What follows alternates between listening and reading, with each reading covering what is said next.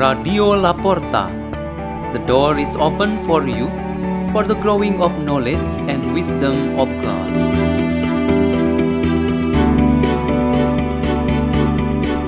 By Andrew Lazaro from the parish of Santa Maria Ratu, Block Q, Jakarta.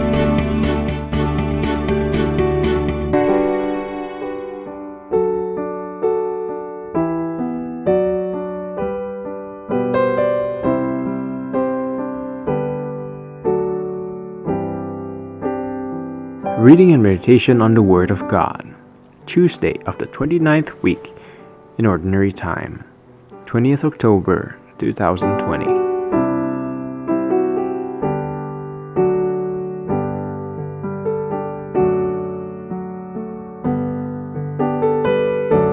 The Gospel of Jesus Christ according to Luke. Jesus said to his disciples, Gird your loins and light your lamps, and be like servants who await their master's return from a wedding, ready to open immediately when he comes and knocks. Blessed are those servants whom the master finds vigilant on his arrival.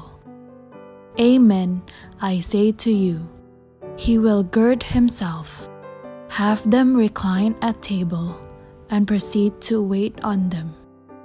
And should he come in the second or third watch, and find them prepared in this way, blessed are those servants. The Gospel of the Lord.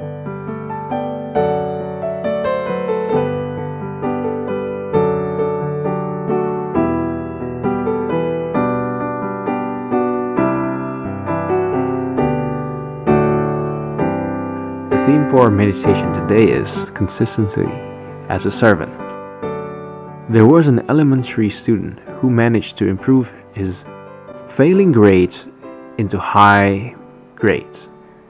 During this improvement process, his mother and father took part in accompanying him to study.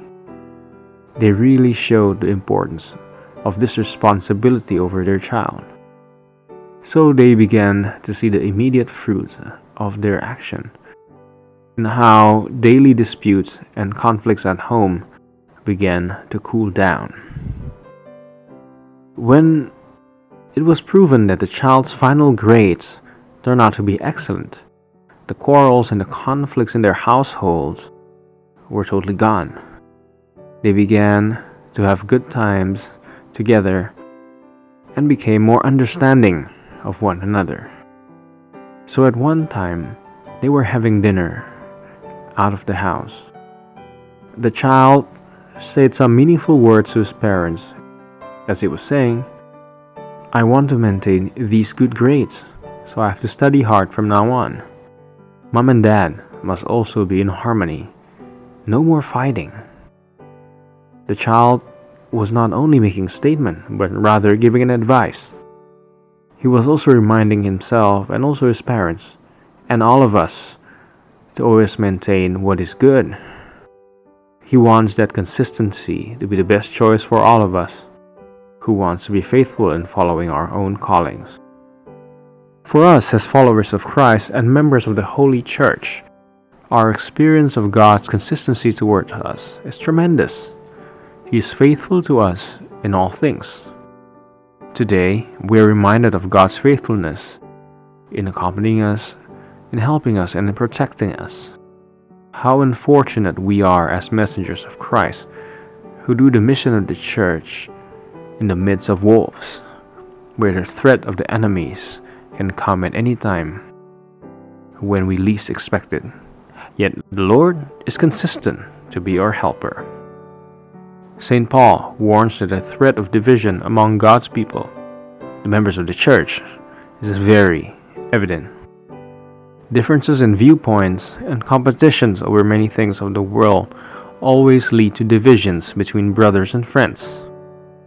A consistent Christian attitude really requires us to maintain fellowship among the followers of Christ and members of the church.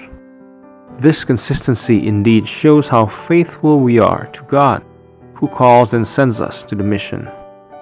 For example, Our being faithful as children in the family is a sign of our obedience to God, who has made us children of our parents and families. The Lord Jesus gives us a parable of a servant who must be consistent in his duty, to always be on standby for any moment for the coming of the Master. This is meant to teach us to prepare ourselves for any condition and any moment when God reveals His will to us. God is consistent in coming to us with all His blessings and interventions in our lives. We must also be consistent in accepting and fulfilling His will for us. Let us pray. In the name of the Father, and of the Son, and of the Holy Spirit.